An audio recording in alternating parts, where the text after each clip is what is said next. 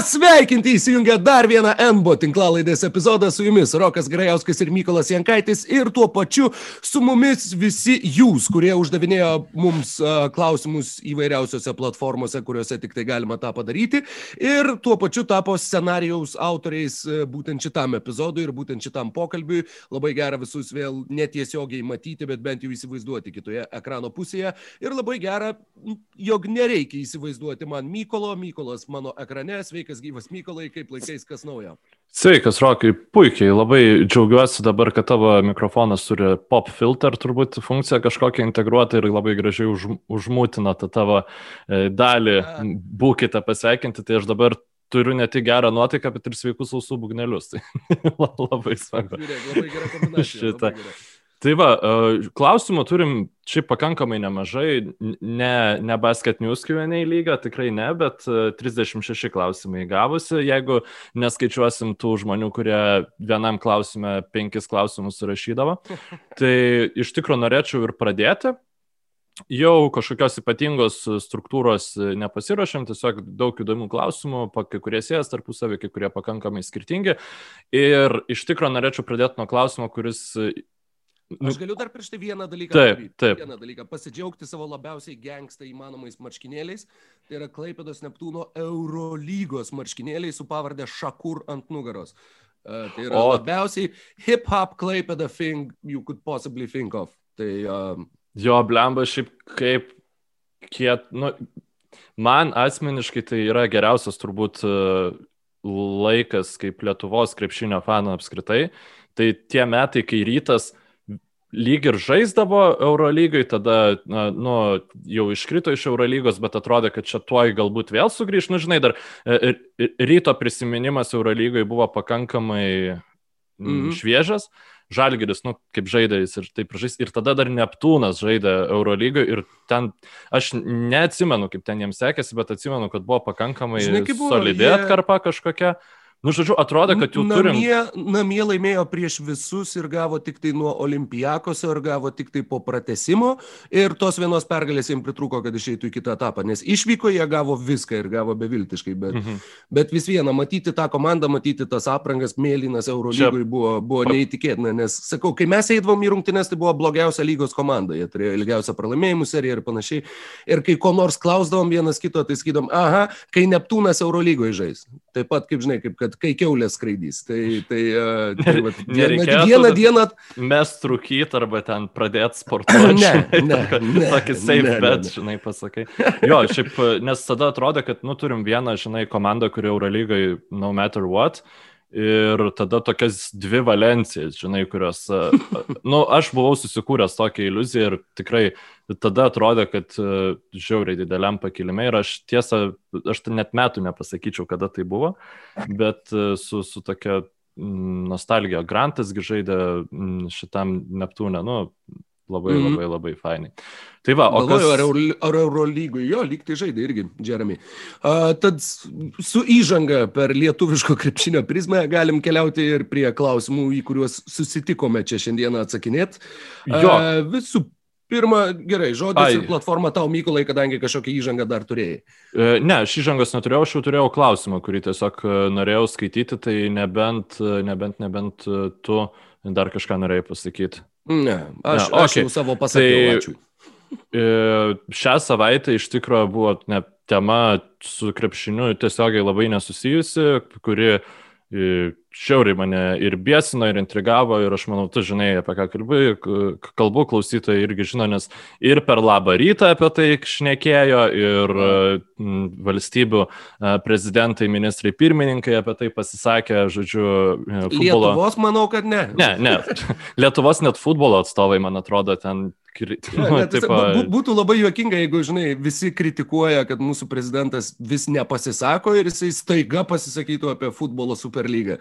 Būtų, būtų jo, kurioziška, aš, mažų mažiausiai. Aš balotiravausi prezidentus tam, kad žalgerį, žinai, atvešiu iki... Gerai, gana. Čempionų lygas. Uh, tai uh, Europos superlyga, uh, žodžiu, pirmas dalykas, apie ką, ką aš norėčiau pasakyti apie tai, tai mane labiausiai biesino, kai sakė, va čia daro NBA iš Europos superlygos. nu, su, su ta Europos Superlyga, ne, čia man tai daug daugiau panašumų į Eurolygą turi, ta prasme, to sportinio principo, sakykime, struktūra pačia ir panašiai, tai yra e, visiškai Eurolygos šešėliai, kurie nu, tiesiog e, tai yra pagrindinės komandos, kuriuom nesvarbu yra vietinės lygos, e, tiksliau, svarbu, bet nu, Eurolygos interesai visiškai prieštarauja vietinių lygų interesam ir tuo labiau tarptautinio krepšinio interesam, nes NBA yra uždara lyga, NBA yra vietinė lyga, NBA yra, turi algų kepurę, kuri žymiai labiau apsaugo nuo e, klubų atitrukimo, nes man kaip, pavyzdžiui, arsenalo fanui, tai jeigu nebūtų kažkokia uh, algų kepurė implementuota ar, ar panašiai, Tai būtų, žodžiu, tas e, tiesiog arsenalas būtų ir taip prastas klubas palyginus su tais e, ten 12, kurie buvo paskelbti,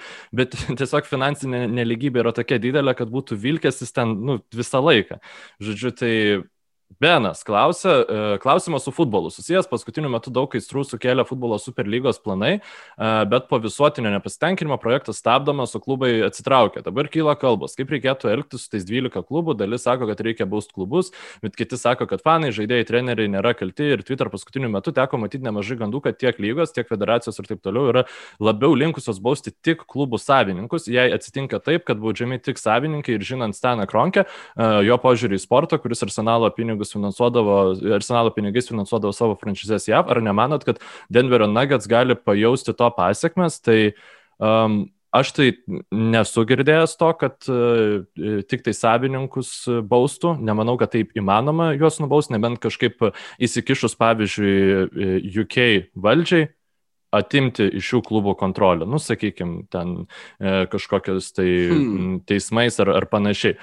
Tu tiesiog savininko nenubausi, jeigu tu išrašysi baudą, savininkas ją e, padengs iš klubo kišenės, ką sėkmingai daro ir šiaip visi amerikiečiai e, Liverpoolio, e, Manchester United ypatingai ir Arsenalo savininkai, jie savo pinigų į klubą iš esmės neinvestuoja beveik. Tai aš nelabai matau, kaip galėtų atsiliepti visas šitas dalykas Denverio Nuggets franšizai. Kaip ir minėjau, finansinis lankstumas e, NBA lygoje yra pakankamai nedidelis, jeigu mes palygintume su futbolu. Ja, aš, aš manau, aš atsiprašau, kad įsiterpsiu, bet manau, kad nebent prabangos mokesčio uh, nenorui mokėti. Bet Nuggets visada turėjo nenorą mokėti prabangos mokesčio. Tai čia, nu, sakau, jeigu mes lyginam pavyzdžiui su futbolo, futbolo ką gali reikšti, tarkim, bauda ir, ir, ir panašiai tai pačiai franšizai, kur gali tavo savo visą klubą nu, nurident.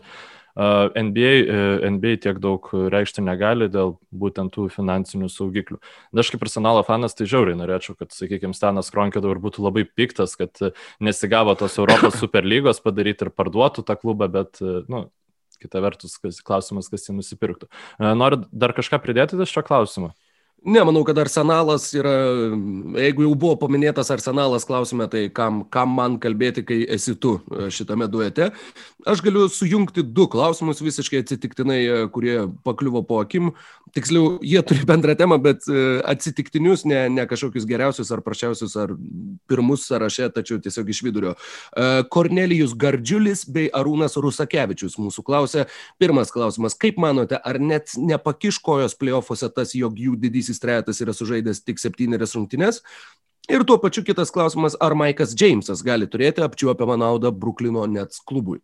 Būtent apie tą, kad labai mažai jie žaidė kartu, pagalvojau prieš kelias dienas, kai pasirodė pranešimai, jog Hardeno, žodžiu, ta trauma vėl kaip ir atsinaujino, kaip ir sustiprėjo ir kad jisai nežais ir gali būti, jog nežais iki pat atkrintamųjų pradžios. Tai primena pernykščius Los Angeles Clippers, kai būtent ta pati problema buvo komandoje, komanda visiškai nebuvo susižaidus kartu. Skirtumas yra tik tas, kad tose septyneriose rungtynėse, kurias žaidė kartu Bruklino Nets didysis trejetas, net neatrodė, kad jie gali kažkaip nesusižaisti, kadangi tai tikrai buvo įspūdinga ir, ir uh, paliko įspūdį tokį, jog, na, atrodo, jog tikrai šią komandą įmanoma tik tai permesti taškais, o jos sustabdyti bus neįmanoma. Uh, tad tas klausimas būtent dėl susižaidimo lyginant su tais pačiais Clippers, manau, kad jis turėtų mažiau potencialios žalos pridaryti Bruklinui, bet to nurašyti nereikėtų ir tai gali išlysti atkrintamosiose, gali pasimatyti dalykų, kurių nepasimatė reguliariajame sezone. Ir būtent šitas faktorius yra didžiausias klaustukas, kalbant apie Bruklino uh, potencialą išeiti iki finalų arba ir iškovoti NBA čempionų žiedus, kadangi, sakau, būtent pernykščiai Clippers man ta asociacija iškart stovi prieš akis ir, ir galbūt susidūrė su sunkumais, jie subirės taip pat, kaip tą padarė Los Andželas. Kaip tau atrodo, Mykolai? Na, Aišku, kad e, traumas jos na, visada yra žalingas e, reikalas, ypač komandose, kurios e, realiai taip, net tai taip ir nesusiformavę dar atrodo, iki, iki to jau pilno geriausio varianto ir skaudžiausia tai žinoma bus tų gynybinių schemų netradimas, nes tai yra komanda, kokios niekada nebuvo anksčiau NBA lygoje, nieko panašaus nebuvo, sakau, galbūt Clevelando Cavaliers savo e, tais jau e, ne čempioniškais metais, bet... 16-17, mm, 8... ar ne? Man atrodo, kad tie metai, kai buvo nu, tai jau, ir... Pa, jo, ir, ir plus paskui paskutiniais ten jau Lebrono metais, kai, nu, sakykime, tikrai jau buvo visiškai į polimą koncentruota komanda. Tai vad gal kažką panašaus galima būtų iš jų um, playbooko e, pasiskolinti, bet, e, bet būtent to atšlifavimo, žodžiu, Jeffo Grino integracijos į tą viską besikeičiantį penketą, e, sugebėjimo Kairį Irvingą slėpti taip, kad ta gynyba veiktų, nes um, atsiprašau nuolatinių klausytojų, jeigu kartosiuosi, bet reikia suprasti, kad viską keistis gynyboje e, skamba paprastai ir, sakykime, elementar, elementari šitos strategijos implementacija jinai nėra sudėtinga. Tu nu viską keities, bet e, kai mes pasižiūrim, kaip žaidė Houstono Rockets savo geriausiais laikais ir iki kiek jie buvo iš iki kiek buvo išvystyta ta viską besikeičianti komanda ir tai buvo grinai susižaidimo reikalas, nes kai paskui tie žaidėjai, sakykime, buvo pakeisti panašaus talento žaidėjais, tačiau nu, vėl kitais žmonėm, e, tai, tai vėl iš naujo reikėjo viską mokytis, nes tikrai labai svarbu pajausti savo rolę, kurį krepšininką reikia ten pasaugot. Nusakau, čia būtent Kairi Irvingo problema būtų. Nes galvoti, kad Bruklinas gali gintis kažkaip kitaip negu besikeičiančių gynybai, tai kas lieka zona tada? Nu, zona Bruklinui man irgi atrodo pakankamai sudėtingai iš, iš, išpildoma. Arba man to man ir nesikeisti ir bandyti lipti per užtvaras, kai jos yra ne, statomos. Baigtų su, su Hardenu ir Kairi Irvingu, tai yra du blogiausiai lygai, tą darantis krepšininkai. Nu, prasme, gerai, nu, galima ras blogesnių. Dar Maiką Jamesą pasiemė, nu, kuris čia yra kita klausimo dalis. Um, tai to jau prie, prie jos perėsim. Tikrai, man-to-man gynyba, jie bus pasmerkti, jeigu jie taip ginsis. Galbūt pradžiai, žinai, nežinau, tos galim klišinės frazes pa, panaudot, kurias naudojo komentatoriai rungtynių pradžioje, kad ten, va čia toks kaip bokse apsi, apsišaudimas dabar vyksta, kur, mm -hmm. nu, ne, tipo, jeigu šita komanda nebūtų traumuota, jeigu šita komanda turėtų pilną savo potencialą, net ir tokį, kokį turi, jie antrą atkrintamųjų raundą, tai tikrai jau pradėtų su kažkokiam tai aiškiam gynybos schemam, nes mentų mentai tu e, Nu, tu prasme, tiek Sixeriai, tiek uh, Bucksai kiekvienoje atakai galės prieš juos įmesti. Ir būtent dėl, dėl to aš sakau, kad Bruklino Nets yra komanda po milžiniškų klaustukų, nes taip, jų polimas, jeigu jau visi sveiki bus e, tie krepšininkai, atrodo nesustabdomas, tačiau, na, yra komandų su labai geru gynybiniu potencialu e, rytų konferencijai. Ir aš Tavo paminėtas Filadelfija ir Milvokis tikrai yra tarptų komandų. Taip, ir, ir aš Net, nematau, kaip tie patys jos... E, New Yorko Knicks dabar puikiai gynasi ir e, šitoje sezono atkarpoje yra tre, bus, tre, trečia geriausia prasme... komanda. Ne, aš nekalbu, kad jie gali nunešti Brukliną, aš kalbu, kad tu paminėjai, kad rytuose yra gerai besiginančių komandų. Tai taip, tas sąrašas neapsiriboja dviem komandom.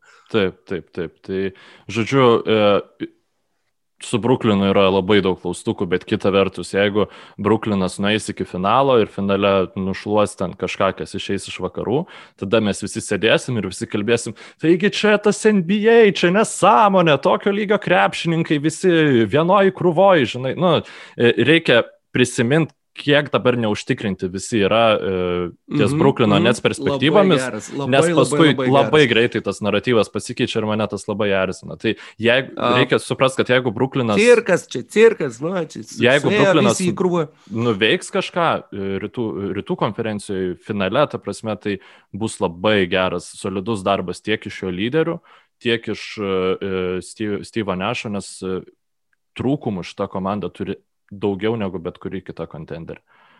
E, dabar dėl Jameso gal tu nori kažką pakomentuoti? Aš tai nelabai įsivaizduoju, na, ta prasme, esu matęs jo ten visokių super pergalingų metimų, nesąmoningų susirena ir panašiai. Ir, ir na, tų metimų, kuriuos nesąmoningais vadina Europos krepšinės ir galiai. Man atrodo, kad tas žaidėjas būtų naudingesnis kitoj komandai, nes šitoj komandai žmonių, kurie žaidžia su kamoliu, tikrai netrūksta, jeigu visi yra sveiki.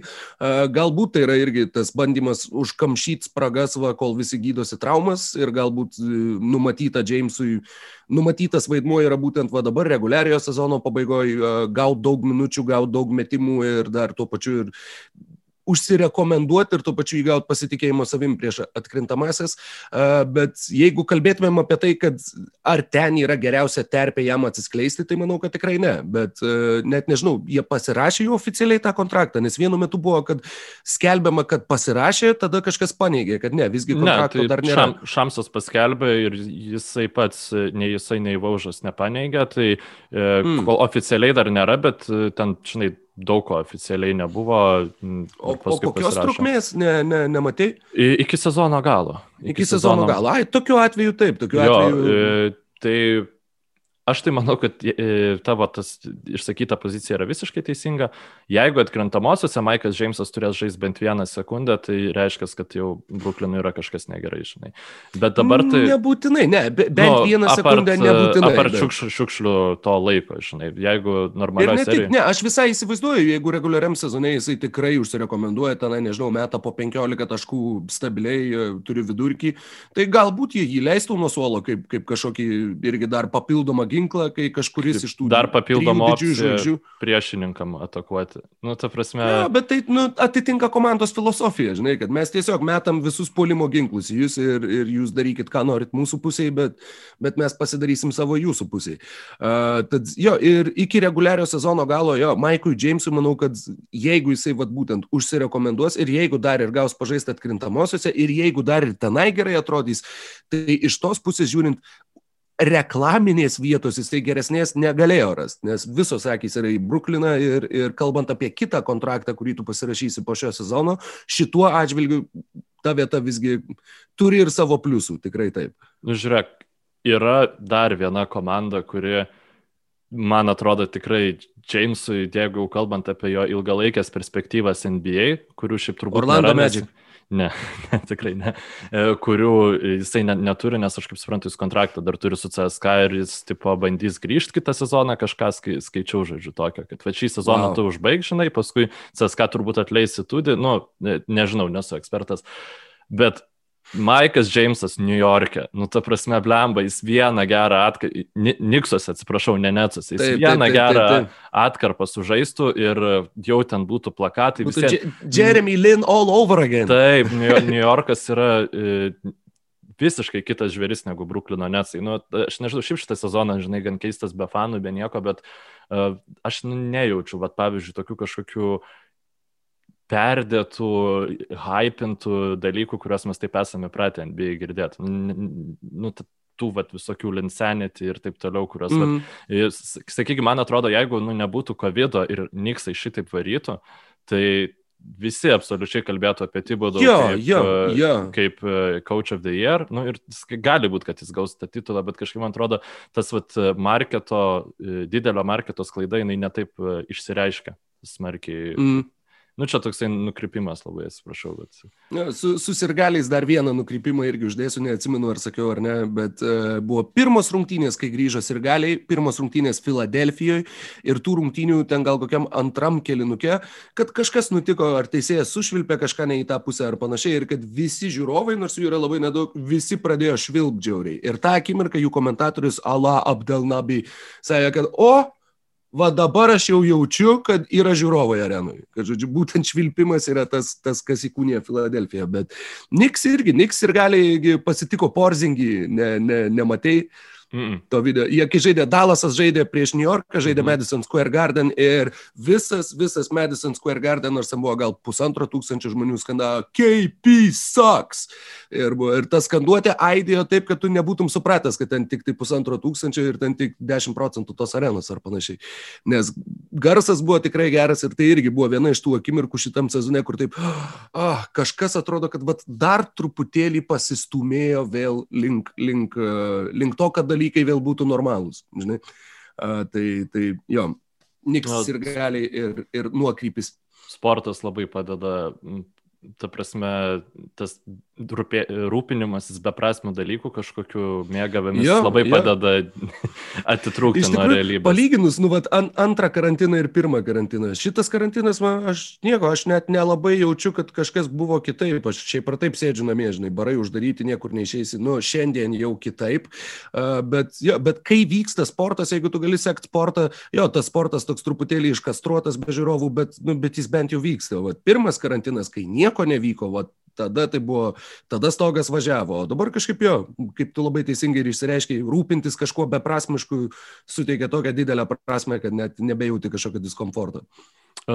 Du žmonės klausia apie tą patį žmogų. E, Rapolas Žinevičius klausia, ar Stepanas Karis e, yra MVP, ar dar tai įmanoma. Tiksliau, Stepanas Karis MVP ar dar įmanoma. E, o Mantas Žironas klausia, tai visgi, ar Kari yra geriausias visų laik, e, laikų metikas NBA ir manau, Rokai, tu nu, sutiksim, kad Kari jau seniai yra geriausias visų laikų jo. metikas NBA. Jo. Čia e, turbūt po savo pirmo MVP sezono jau niekas negalėjo ginčytis, nes tai yra žmogus, kuris pakeitė krepšinę ir nu, mm. visi komplimentai Rėjui Alenui, Reggie Milleriui, nežinau kam dar, bet tai yra absoliučiai kito kalibro metikas, kur, na, vat kai bus krepšininkas, kur mes realiai galvosim, kad yra geresnis metikas už karį, Kaip, gerai, e, hipotetinis jis, klausimas. Ne tik, ži, žinai, dar kas yra dar prieš tą hipotetinį klausimą. Kari yra geriausias metikas plus, uh, plus driblingas. Nežinau, kaip suformuoluoti teisingai, bet tai, žinai, iš, pa, iš pagavimo galbūt koks koreveris ten, žinai, dar sumestų ir daugiau, bet kad būtent Na, kaip susikurti ne. tas situacijas, kaip, kaip po driblingo atakuoti, kokio sudėtingumo metimus pataikyti, iš kokių atstumų mėtyti. Jo, Stefas Kari yra geriausias. Jis turi tą pilną, pilną pakuotę uh, metikui ir va vat, vat tokio tipožo metikui reikalingų savybių. Taip, jo, jo jis yra greičiausiai kamulio išmetantis krepšininkas lygos istorijai po driblingo. Tai yra nu, visai irgi turint omeny ir visus kitus procentus ir, ir panašiai, tai yra labai didelis dalykas. MVP tai jis, nu, be šansų, kad jisai įgautų, tikrai, tikrai ne. Bet mano širdį, tai Karis kuo toliau, tuo labiau yra MVP šitą sezoną. Nu, ką jis... Jų čempionas. Nu, tik, tikrai, ta prasme, mm, okei, okay, yra Dreymondas Grinas, aš jo indėlį vertinu toje komandoje, e, jisai labai gerai papildo Karį, bet ta komanda be Karį, nu, apskritai, tai... Ja, košmaras. Iškristų iš NBA lygos. Relokuotų. Jų, jų, jų puolimas be Karį yra, yra, ta prasme, tiesiog istoriškai ten katastrofiškas. Tai prasme, jie, jie nieko absoliučiai negali padaryti polime, jeigu kariai nėra aikštėje. Tai yra vienas žmogus komanda. Penkis metus blogiausia komanda, blogiausias polimas lygai, be kariai. Puikiai, puikiai. Tai dar, dar ne taip žiauriai. Maniau, kad iš tikrųjų dar žiauriau, bet, bet šitas irgi pakankamai uh, įspūdingai skamba. Uh, Tad jo, jisai e, šią naktį nuo mūsų pokalbio sumetė 18 taškų prieš Vašingtoną, tai nutrūko jo 11 rungtynių serija, kuris įmetė bent po 30 ir apskritai šitas mėnuo, vat, balandis ir, ir dar kovo galas buvo absoliučiai nežmoniška ir, ir geriausia Stefo Kari forma jo karjeroje, kalbant apie produktivumą, jis niekada neturėjo tokių serijų, niekada nemetė tiek taškų ir, ir meta tiesiog absurdiškai. Jisai e, dabar vat, kadangi bijau sujudinti laptopą, kad neatsijungtų kamerą, tai nepasakysiu tikslių skaičių, bet 40, kiek, 5-6 procentai metant po 12,5 tritaškio per rungtynės. 12,5 per rungtynės. Tai yra visiškai astronominis skaičius ir, ir, ir tai, kad jisai išlaiko tą efektyvumą ir atakuodamas net ir tokiais kiekiais. Ir kai kiekvieną mielą vakarą visos varžovų komandos visas dėmesys gynyboje yra tik tai į tave vieną, tai yra, tai yra tikrai įspūdinga. Ir aš pritarčiau, kad MVP titulo jisai neiškovos, bet, bet tai, ką jisai daro, yra turbūt, jisai šiuo metu žaidžia geresnį krepšinį negu tada, kai buvo vienbalsiai išrinktas MVP. Tai, tai pasako labai daug. Tik tai komandos rezultatai, žinoma, čia užveria bet kokias, nu, bet kokias man... duris diskusijai. Įdomu, ar tikrai jisai žaidžia geresnį krepšinį. Nu, ta prasme, kad jo produktyvumas. Ir būtent jo pro, tai, produktyvumo bet... atžvilgiu taip. Tai va, tas hipotetinis klausimas. E, kas bus atsiras NBA lygoje pirmiau? Ar krepšininkas, kurį mes legit galėsim sakyti, kad jis yra geresnis už Lebroną? Ar krepšininkas, kurį mes legit galėsim sakyti, kad jis yra geresnis už metikas negu karių? Aš nei vieno, nei kito, aš tiesiog šiuo metu, mano smegenys neišneša tokio, jo, nu, dalyko. Aš tiesiog ne, ne, ne, ne, ne, ne, negaliu įsivaizduoti, kaip koks nors, kaip įsivaizduok spalvą, kurios nėra, žinai. Toks, va, toks panašus pratimas smegenim, kur tai pradeda trumpinti, kad kaip gali būti, nes, jo, nežinau, nežinau. Galbūt, jeigu reikėtų spėti, manau, kad metikas atsirastų teoriškai greičiau. Aš manau, kad taip. Nes vis viena, tiesiog būtent dėl to, kaip keičiasi krepšinis, būtent dėl to, kaip dabar, pavyzdžiui, nežinau, vaikai ir paaugliai, kokį krepšinį mato ir kaip savo įgūdžius atitinkamai lavins pagal tą krepšinį, kurį mato. Tai manau, kad, kad jo, kad tritaškiai bus vis didesnė. Mm, vis didesnis dėmesio centras ir todėl tas metimų lavinimas, manau, kad irgi gali, gali atnešti kažkokį dar ant žmogiškesnį metiką, nors šiuo metu, sakau, man net baisu apie tokį pagalvoti. Jo, labai tas palyginimas, kad nau, naujas spalvas sugalvoti yra absoliučiai fantastiškas. Uh, Rokai, gal turi klausimą, kurį norėtum? Taip. E, Mindaugas Latišenka klausia, koks jūsų mėgstamiausias NBA related filmas ir ar žiūrėsit Space Jam 2?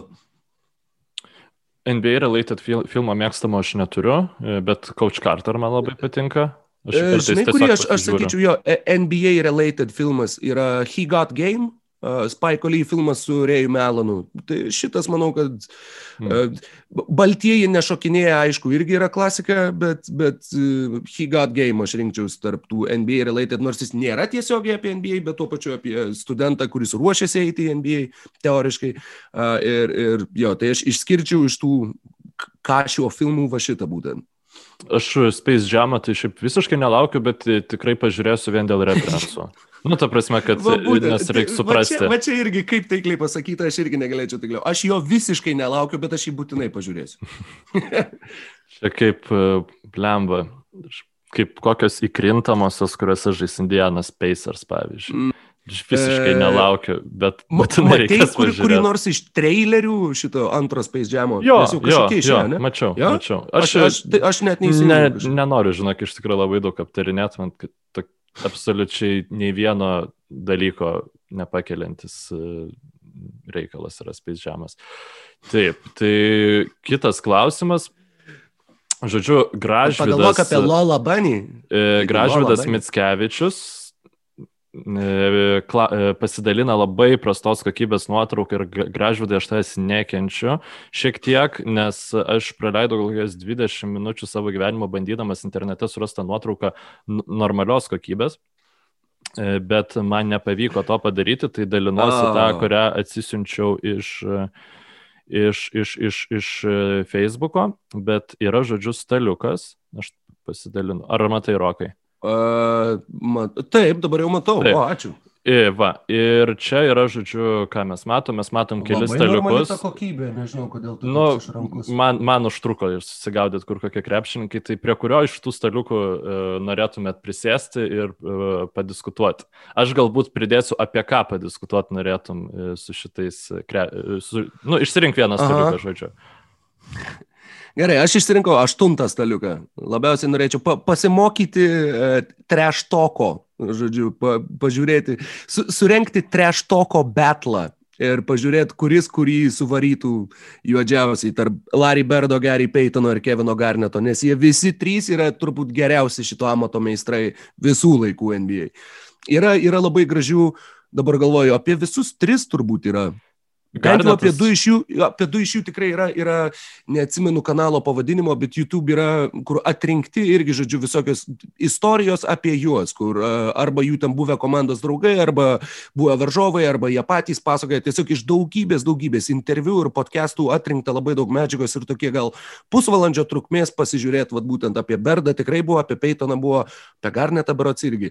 Uh, tai, tai įspūdinga, labai labai paliko įspūdį. Peitonas, kaip, kaip apie jį sakė, jam nieko švento nebūdavo. Jis, kai ateidavo su tavim žais, jis varydavo ir apie tavo mamą, ir apie tavo sesę, ir apie tavo žmoną, ir apie tavo dukrą, apie tavo brolį, apie ką tik tai nori. Tau prasme, jis, nu, visiškai taip sugebėdavo išves žmonės iš, sav, iš savitvardos, kad uh, buvo, buvo visiškai meistras šito amato. O Mykolai, kuris tavo staliukas? Uh, man labai keistas staliukas, tai atrodo antras, kur yra Jordanas, Leonardas ir Anteto Kumpa. Aš įsivaizduoju, kad ten tiesiog Jordanas sako, nu tavai, žinokit, Hornetsai tikrai gera komanda, tai prasme, ateikit, pabandykit. Aš arba, arba, nu, faktas, kad ten kalba Jordanas ir Leonardas Janiu tiesiog klausosi. Janis turbūt savo jo, broliam, jo, jo, jo. broliam rašo tiesiog blemba, žinok, prie vieno staliukos. Selfius darosi. Negaliu patikėti. Jordanas, manau, kad lieptų jiem pasimatuoti, kieno delnas didesnis. Aš galvau, Rokė, kad tu sakysi, kad prie devinto sėstumės, bet čia turbūt vakar, jeigu būtumėm įrašinėję, tai tada prie devinto būtum atsisėdęs, ar ne? už vakar, už vakar, ne? Man atrodo, kad, o, dieve, atrodo, kad 22 šiandien, 22. Jo, siaubas, siaubas, kaip greitai laikas. Prie tos dalykų, aš, aš, jeigu šituo klausimu rinktinę reikėtų surinkti va tokią va prie staliuko, tai ne, joje turi būti rašydas Volasas, nu turi būti, kaip, kaip be rašydo. rašydas Volasas, žinai, nebeįleidžia. J.R. Smithas, rašydas Volasas ir, ir kas čia dar toksai pasižymėjęs tuo klausimu buvo Michaelas Beasley, pavyzdžiui. O, jo, va čia tai būtų. Ma Michaelas Beasley, tai Šiaip turbūt labiausiai. Dūmai rūktų nuo staliuko tikrai stipriai. Ar yra krepšininkas, kuris atrodo labiau apsirūkęs negu Michaelas Beasley? Brandonas Ingramas. Šimtų procentų. Šimtų procentų. Jis atrodo, kad jis, žinai, kaip e, šitas. O. Obeliksas įkrito į stebuklingo gėrimo katilą vaikystį. Tai vad Brandonui Ingramui kažkas panašaus su, su Gandžios laik, laukais atrodo, kad buvo. Aš šiaip. Ne, jį ne kopūstų lysvėje rado. mano, mano patirtis šitam reikalė yra labai nedidelė, bet man atrodo, kad aš kadangi save pats atsimenu, kai, sakykime, nu, padaugini tą reikalą ir panašiai, kaip, kitaip sakant, tave nurūko, yra toksai terminas, aš nežinau, ar jis dar. Tai vad man Brandonas Ingramas atrodo konkrečiai, žinai, nurūkytas, kad jis net pats nesupranta, kas atsitiko. E, bet e, pats gerai, aš e, manau, kad visai būtų įdomu atsisėsti pas, pas, pas, pas, pas kur čia. Jo, koks, prie... koks liūdnas ir depresuotas turėtų būti ketvirtas staliukas. Ketvirtas staliukas. Sėdi ir garsiai dūsauja. Tai... aš tai žinai, jeigu netraumos, tai aš tai būčiau pavaręs. Aš irgi būčiau, aš irgi. Jo, jo, jo, čia taip, je, jeigu ne mano kelias, tai aš ten prie devinto staliuko ar ten kažkurio kito sėdėčiau. Prie dešimto tikrai nesisėčiau, nes ten tiesiog, nu, būtų tas pokalbis, kur tipo vienas bičias papasako savo istoriją, tada kitas sako, aha, taip, bet ir tada tiesiog visiškai neišklausęs to pointo sako savo požiūrį arba apie save kažką.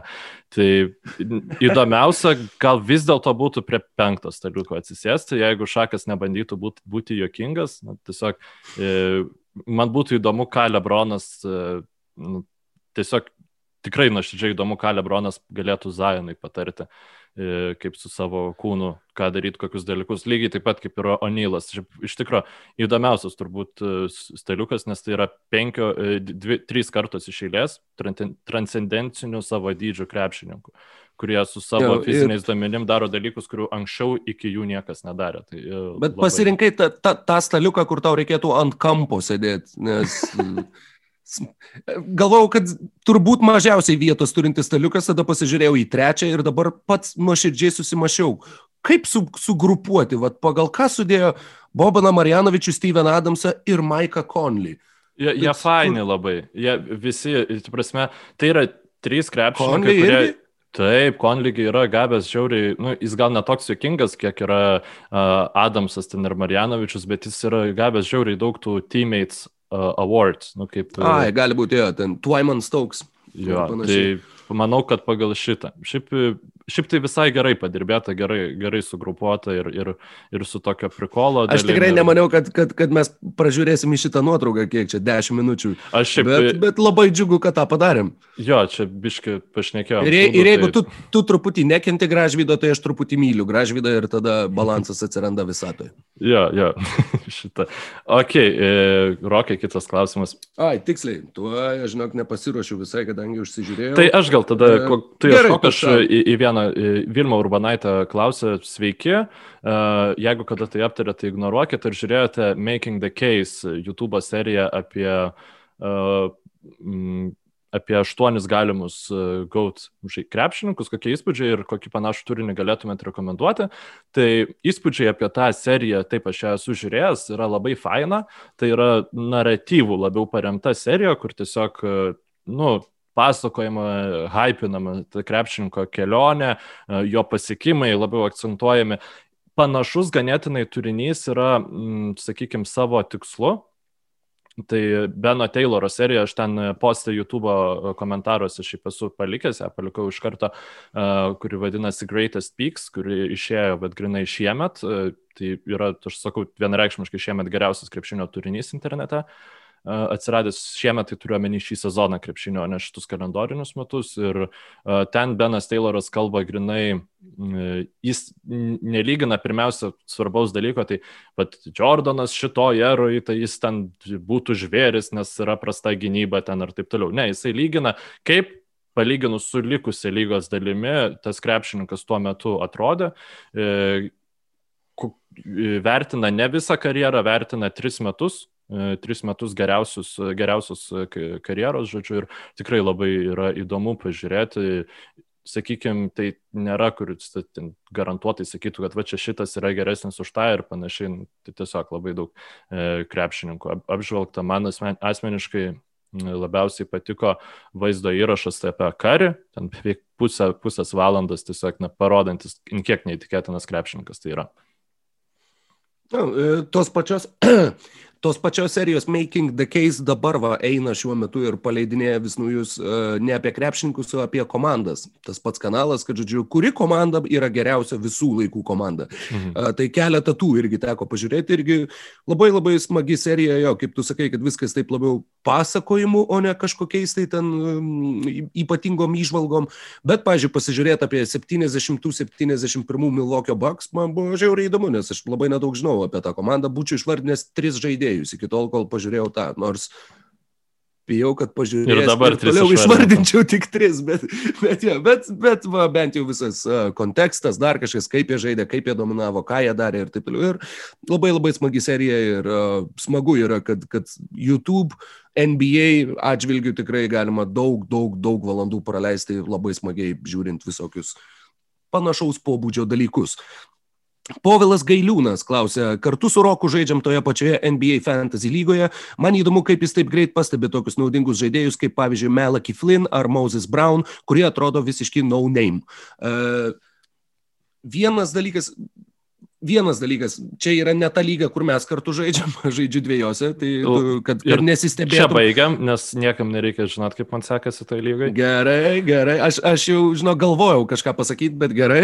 Uh, o, o Melaki Flynn, Moses Brown, Vienas yra variantas, tai tu, kai tu tiesiog žiūri rungtynės naktimis ir tu pirmas pamatai, kad jie labai gerai žaidžia ir tu, pažiūrėjau, paimi žaidėją, kuris tu tos nakties jo taškų jau nebegausi, bet tu matai, kad jisai, pažiūrėjau, kad, kad labai gerai labai gerai žaidžia ir turi potencialų ir toliau labai gerai žaisti. Ir kitas dalykas yra, ką daro ir, ir daug žmonių tose dviejose fantasy lygose, kuriuose žaidžiu, tai yra sekti traumas, Jeigu išsitraumavo kažkas, tai tada, o, supranti, kad, kad e, va, Lauri ir Van Vlytas žaidžia rečiau, vadinasi, pas juos žais kažkoks kitas įžaidėjas daug minučių. Tai kas bus tas įžaidėjas, tai va bus Melaki Flinas. Nu, tai pabandom jį paimti ir pažiūrėsim, ar jisai gerai varys ar ne, nes minučių gaus daug.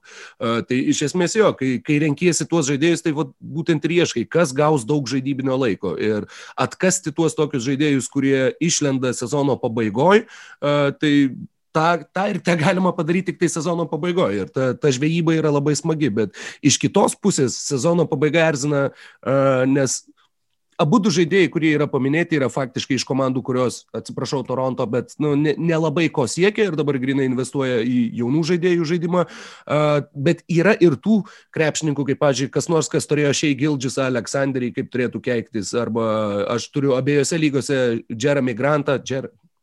Jeremy Grantą, jo, galvoju, kuris iš trijų Džerdžer vardų, uh, kurie vat, irgi ju, juos tiesiog sodina, jų neleidžia į aikštę, nes nenori, kad komanda laimėtų. Tai su šituo yra toks balansas, kurį, kurį irgi uh, kartais, kartais būna sunku surasti. Jo, aš labai džiaugiausi išsikeitęs Weizmaną į Masoną Plumley, nes jisai ir taškų, ir atkovotų, ir asistų pakankamai padaro, nu, bet Pistonsams Pistonsam Plumley per geras centras yra ir dabar jie irgi neleidžia, tai Tai va, visokie tiesiog... Isaiah Stewartai ir panašiai. Jo, jo, jo. Dėl to ir renka skaičius.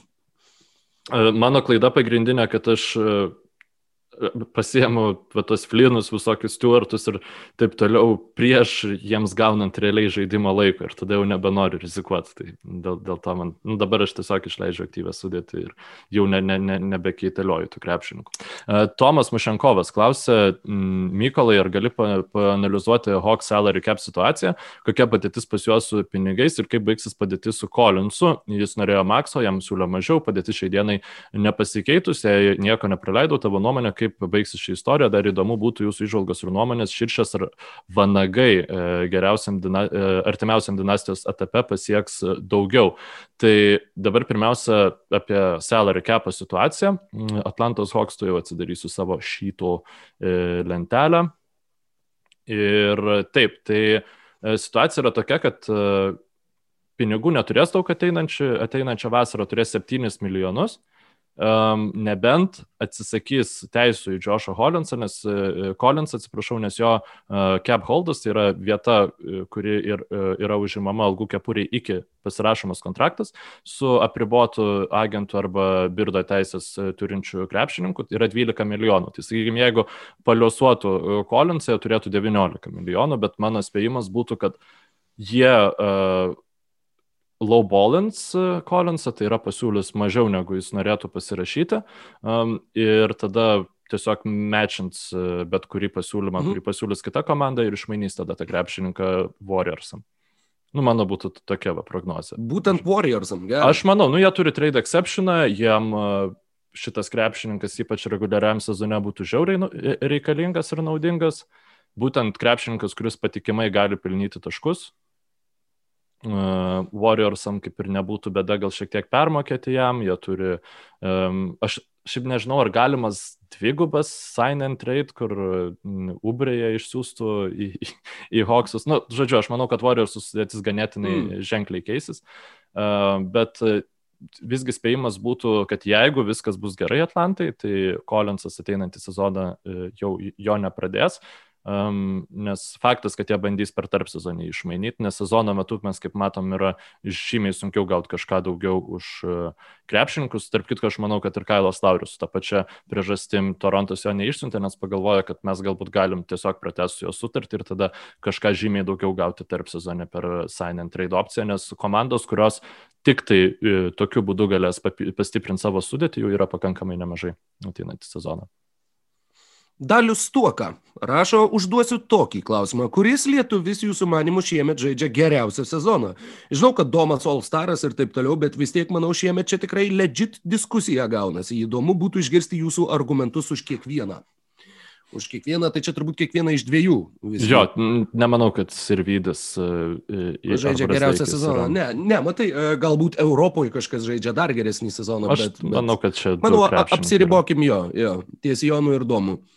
Iš tikrųjų galvojau apie šitą prieš kokias gal porą savaičių ar savaitę, vad būtent kai buvo ta Jono iš vis beprotiška atkarpa, kad, kad tikrai ir viso sezono metu buvo, nu, kad jo produktyvumas tikrai yra milžiniškas ir labai labai didelis ir labai, kaip čia pasakyti, įsivaizduoti jį žaidžiantį dar kažkur tai geriau, kažkur tai dar patobulėjantį, nu, realistiškai patobulėjantį yra faktiškai sunku. Jisai dabar tas savo stipresias pusės išnaudoja faktiškai maksimaliai gerai ir, ir kalbant iš to, kad vat, būtent kur yra žaidėjo galimybių lubos ir kaip arti jų jisai yra, aš manau, kad Jonas yra arčiau negu kad Domas šitam sezone.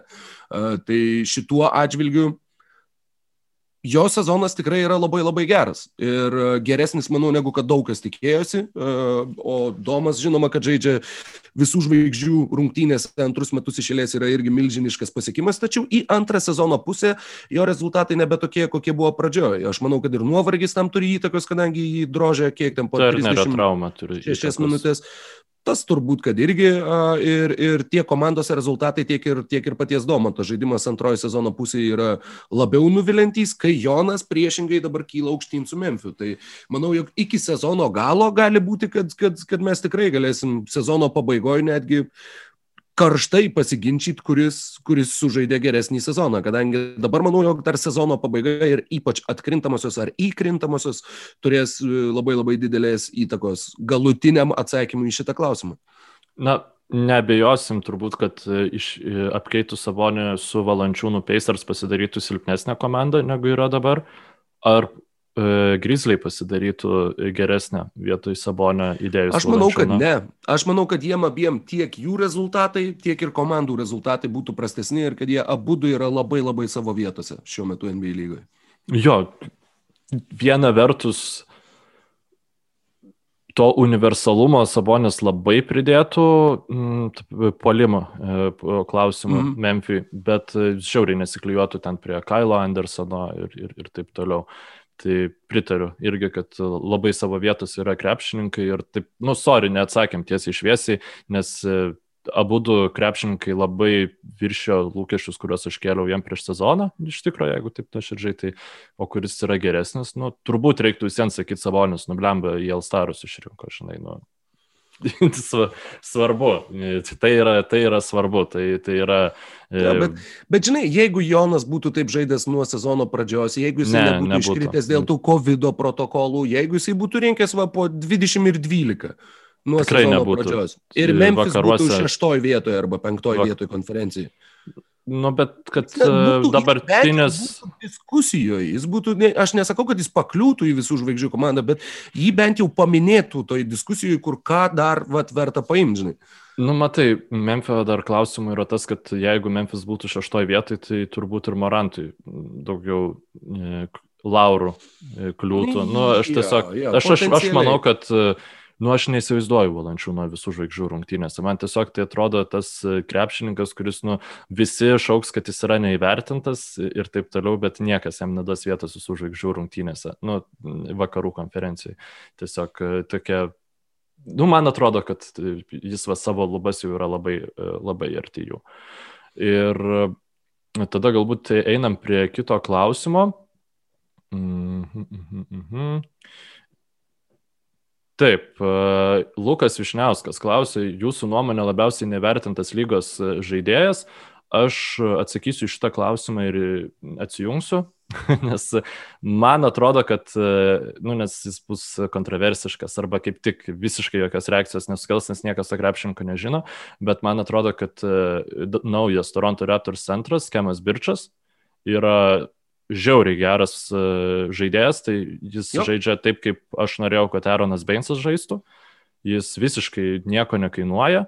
Jis duoda komandai, sakykime, 90 procentų, procentų to, ką, na nu, gerai, čia sužaidė dvi rungtynes, bet man jis ir Orlando Magic žaidė, jis man labai patiko. Mhm.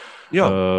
Jisai duoda komandai 90 procentų to, ką duoda tiek centrai, kurie gauna po 15 milijonų ir, ir, ir, ir panašiai, tai sakykime, ne, e, nu ten pavyzdžiui, man, man galvoja Stevenas Adamsas, sakykime, dabartinė jo forma, aš nemanau, kad jis yra, jis taip jis yra geresnis už biržą be abejonės, bet ar jis yra tiek geresnis, nu, bet čia yra e, didelis klausimas. Taip. Tai, Rokio, kas tavo yra labiausiai neįvertintas krepšininkas? Uh, man labai patiko grafikas, kurį tu atsiuntėjai apie Rudy Goberą. E, ir apie jo gynybinį, gynybinę, kaip čia pasakyti, įtaką Indėlė, rezultatam. Taip, taip. E, dabar va irgi jo neturiu dėja po ranka, gal, gal tu turi kažkur tai, bet uh, būtent tai, kiek jisai, nes faktiškai jisai ir yra Jutos jazz gynyba. Ir tai, kad komanda žengia pirmoje vietoje, yra būtent jo nuopelnas. Ir mes visiškai neminim Rudy Gobero diskusijoje apie MVP, bet iš tikrųjų ypač tas, tas grafikas, kurį tu siuntai, iliustruoja, kad, kad realiai tai mes turėtumėm apie tai kalbėti ir, ir tai yra neįtikėtinai naudingas krepšininkas savo komandai. Tai yra e, Twitterio toksai puslapis Basketball e, B-Ball Index, e, kuris nu, realiai yra pus, puslapis at, at, atstovaujantis puikią platformą, žodžiu, nu, statistinių visokių ten analizių ir taip toliau. Ir tiesiog pasidalino tokia informacija, kad Rudy Gobero gynybos įtaka, indėlis pagal jų tam tikrus selektyvius parametrus yra per pastarosius 12 metų didžiausias, koks yra fiksuotas, 6000 iš viso krepšininkų ir jų sezonų yra įtraukti į šitą analizę ir Rudy Goberas būtent yra pirmoje vietoje. Benas Simonso, e, kuris e, daug kas sako, kad na, tai yra geriausiai besiginantis lygos krepšininkas, E, tai yra e, Beno Simonso tas gynybos e, įtaka yra trečia komandai po Matiso Taibulo ir Žoelio Embido. Man tai klausimų absoliučiai nėra, kad Goberas yra MVP, aš tiesiog galvoju, ar gali būti, kad kuomet jo komanda žaidžia geriausią savo sezoną, kad Rudy Goberas negaus geriausiai besiginančio krepšininko titulo, vien dėl to, kad kiti yra pavargę, tipo balsuotų jį, nu, tas žinai, mm. voter fatigue. Jo. Tai manau, kad gaus jisai tą geriausiai besiginančią ginančio krepšininko titulą. Ir... Jisai tikrai, tikrai yra jo vertas ir e, per visą pilvą vertas, sakykim taip. E, aš žinau, padėjau Mykolai krauti savo telefoną, tai aš klausimų. Gerai, bet... puiku, tai aš tada. Vairas tavo rankose. Uh, Linas Kaminskas klausia, kaip vertinate savo subjektyvę nuomonę, pas mus kitokios nuomonės ir nebūna, Karnišovo žingsnius, darbus, ar matote iš lėto kylančią Bulls ir dar kažkas tokį piktesnį. Va, Arūnas Kutkevičius, tai kaip jums ta dabartinė Čikagos Bulls? Po mainų buvote pilni entuzijazmo, kad jie tapo atkrintamųjų komanda, bet kažkaip sunkiai jiems einasi, kas ten stringa. Tai užstrigo lavino imuninė sistema, jisai susirgo COVID-u, tai tas labai apmažino. Ai, netgi susirgo? Nu, ta aš, prasme. Aš manau, tiesiog dėl protokolų pažeidimo ten 10 bet... dienų negalės žaisti. Tai kad tas laikas ilgiau negu 10 dienų, tai yra tokios labai stiprios spekulacijos. Atsiprašau, kad aš taip užtikrintai pasakiau, yra stiprios spekulacijos, kad jisai serga, nu, žodžiu, COVID. Mm. E, nes labai nedaug krepšininkų šiaip oficialiai paskelbė. Tai Teitumas iš karto paskelbė, mm -hmm. Derekas Rauzas iš karto paskelbė, bet e, krūva ten iš Toronto Raptors tai niekas atseit nesirgo. Nu, kai ten pusę komandas nežaidė. Tai, bet šiaip Ką manai apie Čikagos Bulls? Ar, tikrai ar nebuvo mes pernelyg laimingi e, po tų mainų? E, Bet čia, žinai, lietuvių. Gal ir buvo. Matai dar kas. Mm, mm, mm, manau, kad kitam sezone tų mainų rezultatas pilnai pasimatys, nes šitas sezonas jo, jiems, jiems jie po Vučevičiaus mainų turi penkias pergalės, dešimt pralaimėjimų. Pralaimėjo pirmas trejas, tada porą laimėjo, tada ketverias pralaimėjo, tada vėl trejas laimėjo, dabar gavo nuo Clevelando pastarąją naktį ir ten yra ir daugiau. Nuo to paties Orlando, nuo Minnesotos, daug pralaimėjimų prieš labai prastas komandas ir tuo pačiu ir pralaimėjimų prieš geras komandas. Ir per tas 15 rungtynių jie turi 19 puolimą lygoje ir 25 gynybą. Tai žodžiu, nei ten, nei ten niekas neveikia užtikrintai. Jeigu, jeigu reikėtų atsakyti, kas stringa, tai stringa viskas. Čikagoje ir, ir uh, žinoma, ir Zeko Lavino iškritimas turės įtakos, bet aš manau, kad jis netgi gali išeiti į naudą nes galbūt Vučevičius su, sakykime, didesnė atsakomybė ir su dažniau laikomų kamolių gal sėkmingiau adaptuosis Čikagoje ir integruos save į komandos žaidimą. O šiaip tai tikrai atrodė, kad po tų mainų na, jie, jie yra pasiruošę kilt ir kilt aukštai, bet nuo, nuo pat pradžios jie dar, dar įsibėgėdami šuolių, jie kažkur susipinė kojos ir jie taip ir liko su savo sklandytuvu ant, ant viršūnės ir vis dar nesugeba netgi pasileisti į priekį. Tad ar tas sprendimas buvo geras ar blogas, sakau, man atrodė, e, atsiminime sezono įžango išnekėjom apie tai, kur bus iškeistas Hardenas ir, ir aš sakiau, kad jeigu tai nebus Bruklinas, tai bus Čikaga. Kadangi atrodė, jog tas ta sudėtis yra labai labai pasiruošusi mainam, jau tokia prisirpusi ir kad jie bandys įstumti tuos savo žetonus ir gauti kažkokią žvaigždę. Ta žvaigždė tapo Vučevičius, kuris žinoma yra ne Hardeno lygio krepšininkas, bet aukšto lygio krepšininkas, bet bent jau kol kas, na tikrai tie mainai yra vienas didžiausių nusivylimų šitam sezone, kalbant apie, apie lūkesčius po kažkokio įvykio ir apie tai, kaip bent jau kol kas tie realūs rezultatai rutuliuojas. Ne, nu, nereikia ten iš karto mm, bausti, e, bausti e, Karinišovą, nu, be Zako Lavino tai jie nieko absoliučiai negali padaryti. Tai kaip žaidė šį sezoną Zakas Lavinas, tai uh, jo buvo absoliučiai visas Čikagos bus polimas ir niekas nekalbėjo, kad Učevičius bus naujas geriausias krepšininkas, visi kalbėjo apie jo, kaip jis papildo Laviną, kiek jis jam naujų galimybių uh, suteikia ir tą mes protarpiais matėme. Mes matėme, kad Donovanas absoliučiai neturi jokios idėjos, kaip gintis su šita komanda. Ir aš manau, kad ateinantį sezoną Donovanas pradės ant žiauriai karštos kėdės.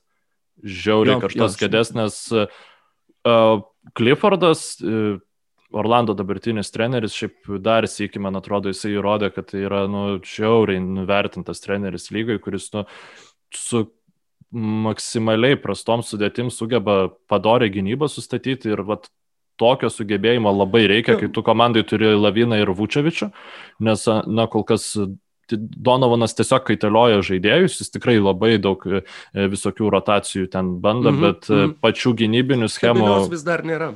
kurias aš, nu, sakykime, galėčiau taip išvelgti, pamatyti, net ir kad, nu, kažkokių apžvalginių straipsnių apie puls gynybą dar neišėjo, nes man atrodo tiesiog ten nelabai yra ką apžvelginėti. O... Yra, yra. Je, jeigu paskaitinėtum forumus uh, sirgalių, pavyzdžiui, tai manau, kad tikrai rastum, bet, ne, nu, taip, nieko, bet... nieko pozityvaus ten. Taip, nebūtų. tai dauguma yra, kad nu, tiesiog kaip blogai gynasi, o ne bet kokios bandomos gynybos schemos ir kaip jos neveikia, man atrodo, nu, tiesiog nelabai jos yra mm, eksperimentuojamos, nepakankamai. Uh, Ir tada kitas dalykas, dar dėl Karnišovo norėjau pasakyti, gali būti, kad e, šitie mainai labai skaudžiai kas atgal, kad tiesiog Čikagos bus, bus lygiai tokia paties lygio komanda, tik tai su dar mažiau uh, tų šaukimų. šaukimų ir kitų gerų Jie dalykų. Metinį savo šaukimą irgi atidavė, ar ne? Ar jie atidavė 222? Um, neatsimenu, man atrodo, jie du atidavė ir vienas iš jų yra šių metų.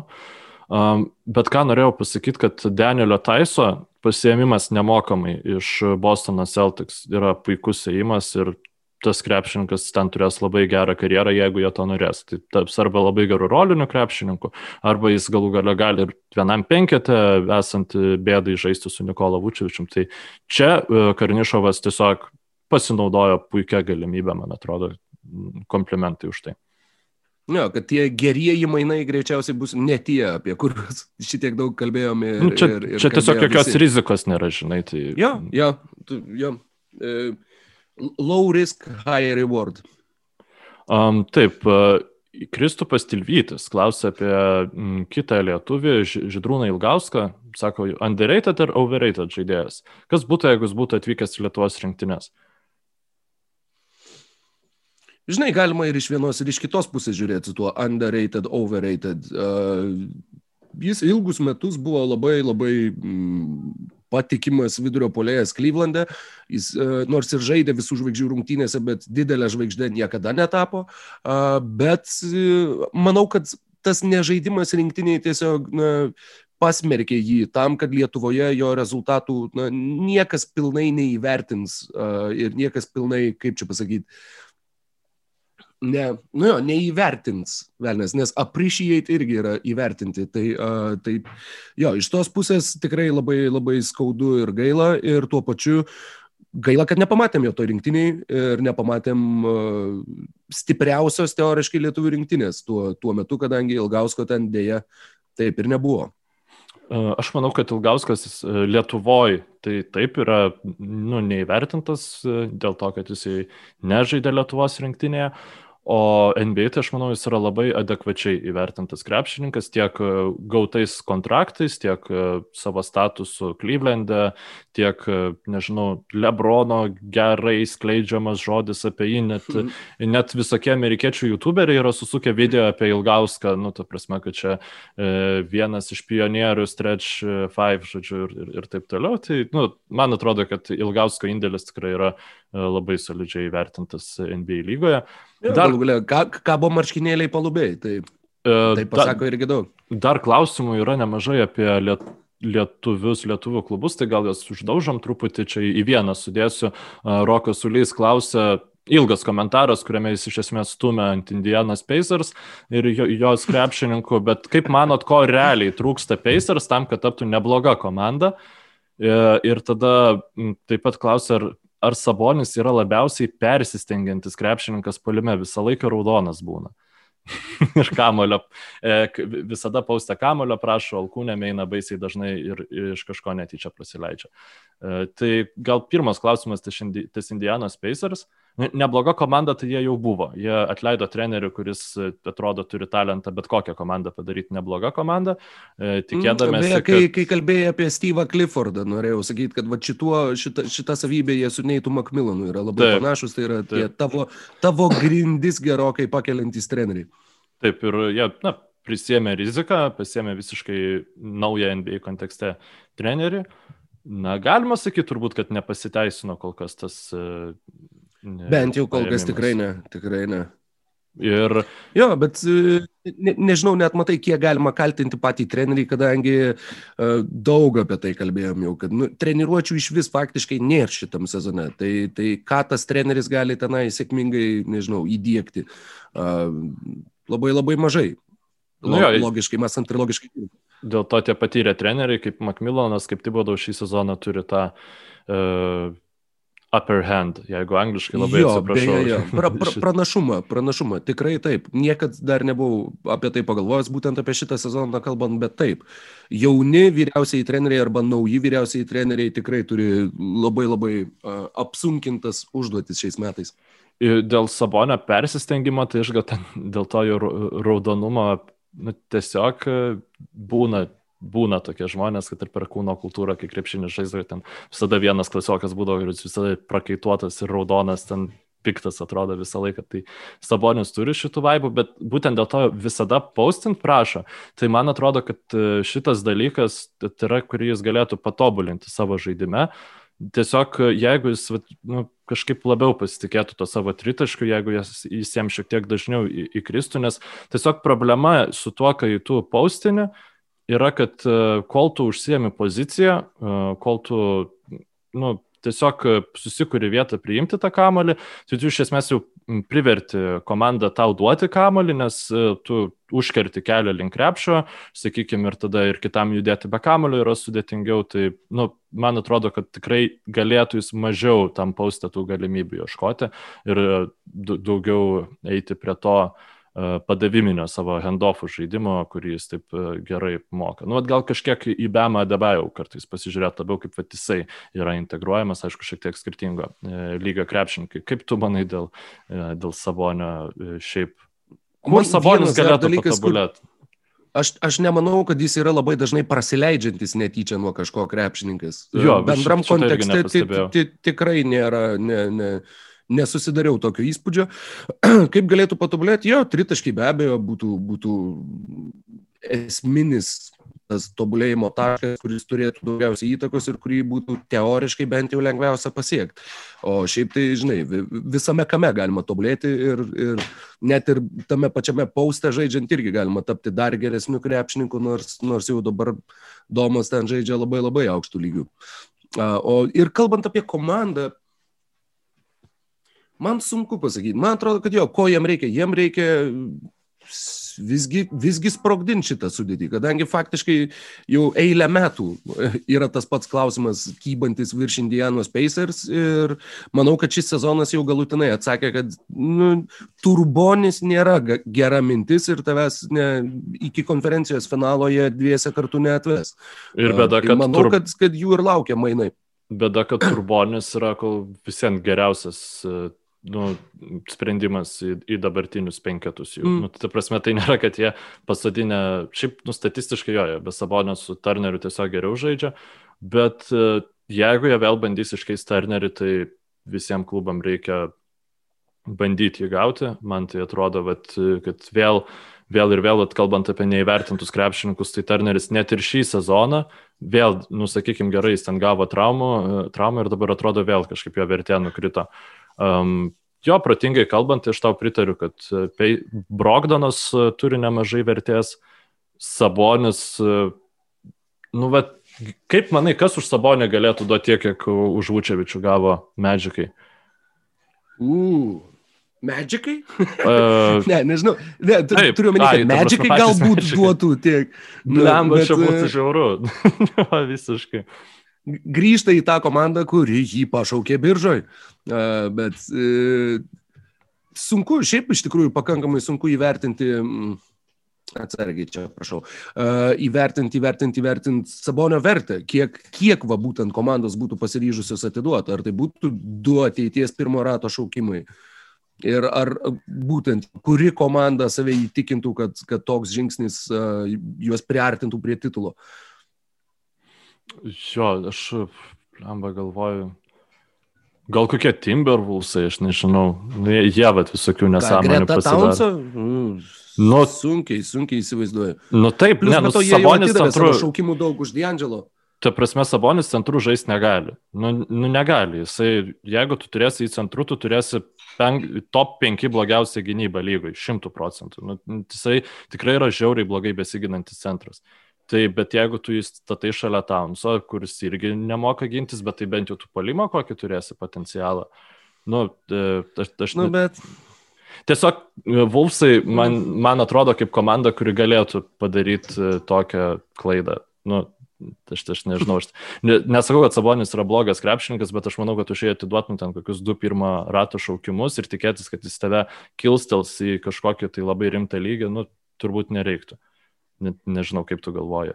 Jo, man, man irgi, nu, sakau, nu, vat, būtent vat, šitoj diskusijoje yra aiškėja, kad, nu, palauk, vat, jo, jeigu mes vadovautumėm komandai, ar mes atiduotumėm du šaukimus už sabonį. Mm, tai turėtų būti labai jau tokia specifinė situacija, kur labai įsivaizduotumėm, kad jisai mums tiks ir kad labai labai padės, bet, bet aš tokią situaciją netgi pakankamai sunkiai įsivaizduoju.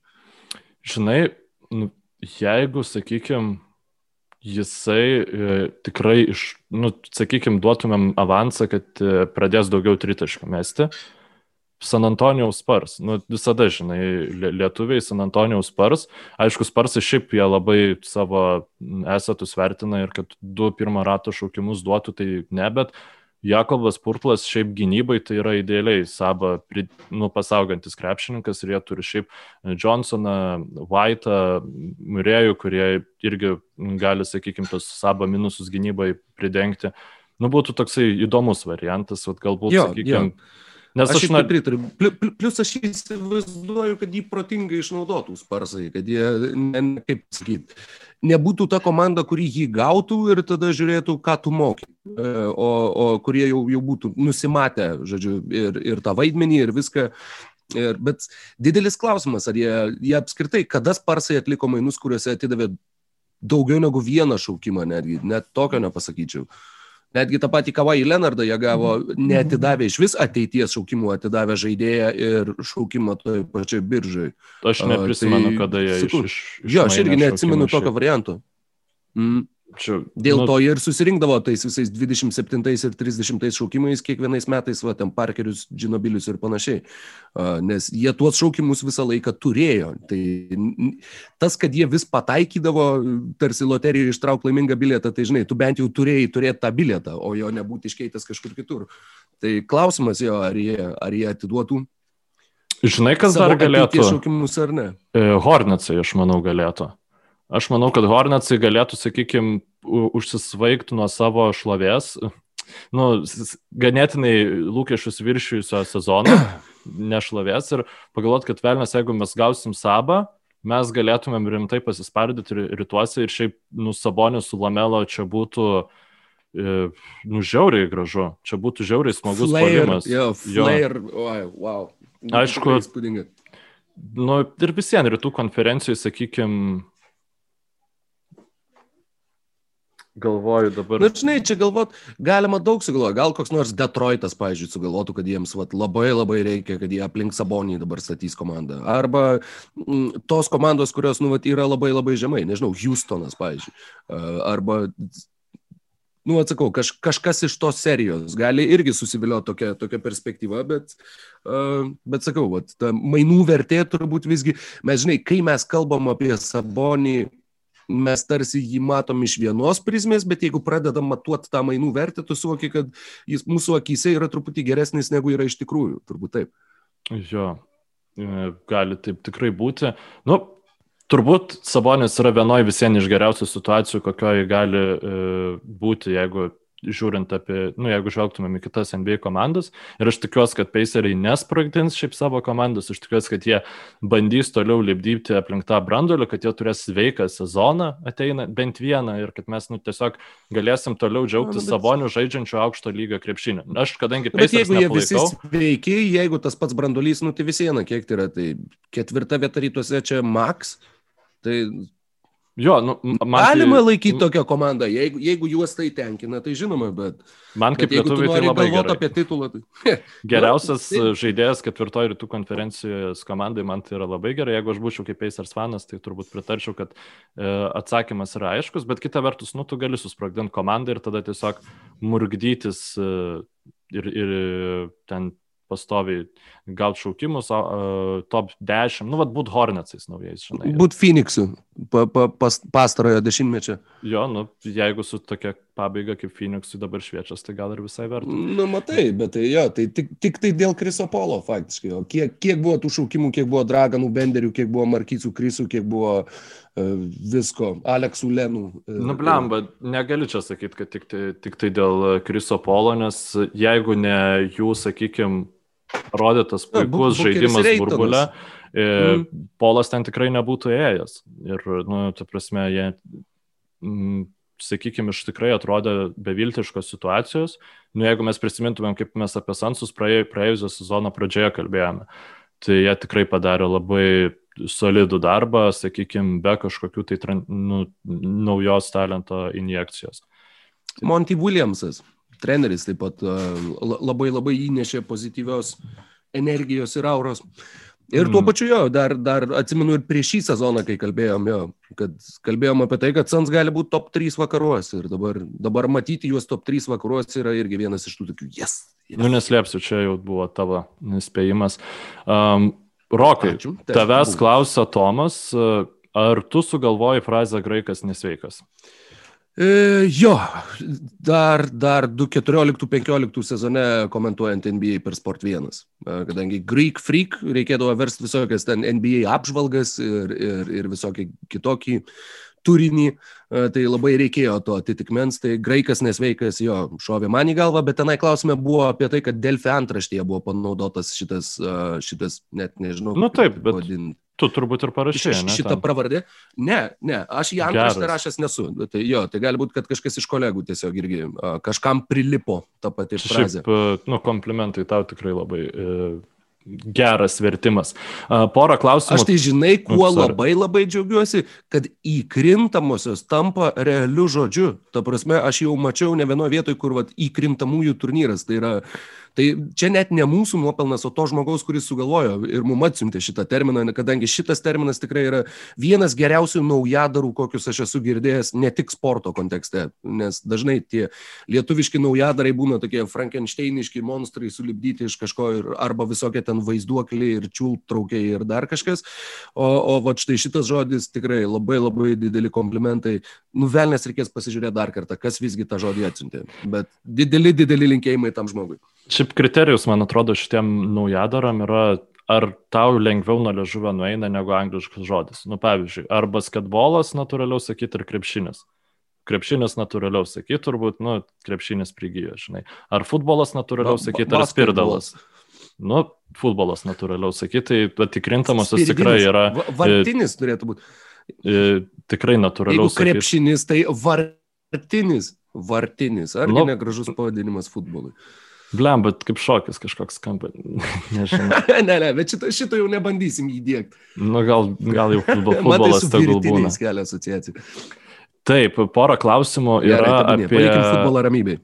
Apie, apie Los Andželo klubus, tai Mindaugas Vesbergas klausia, kada norit pamatyti Lakers Clippers akistatą ir gal būtų smagu Lebroną išmesti pirmame etape pagaliau, e, klausia.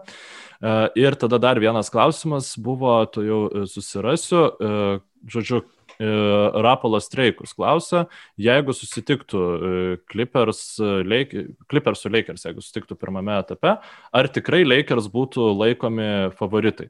Žodžiu, tai uh, Rokai, ar tu nori atsakyti pirmą iš tą klausimą, ar man? Uh, galiu.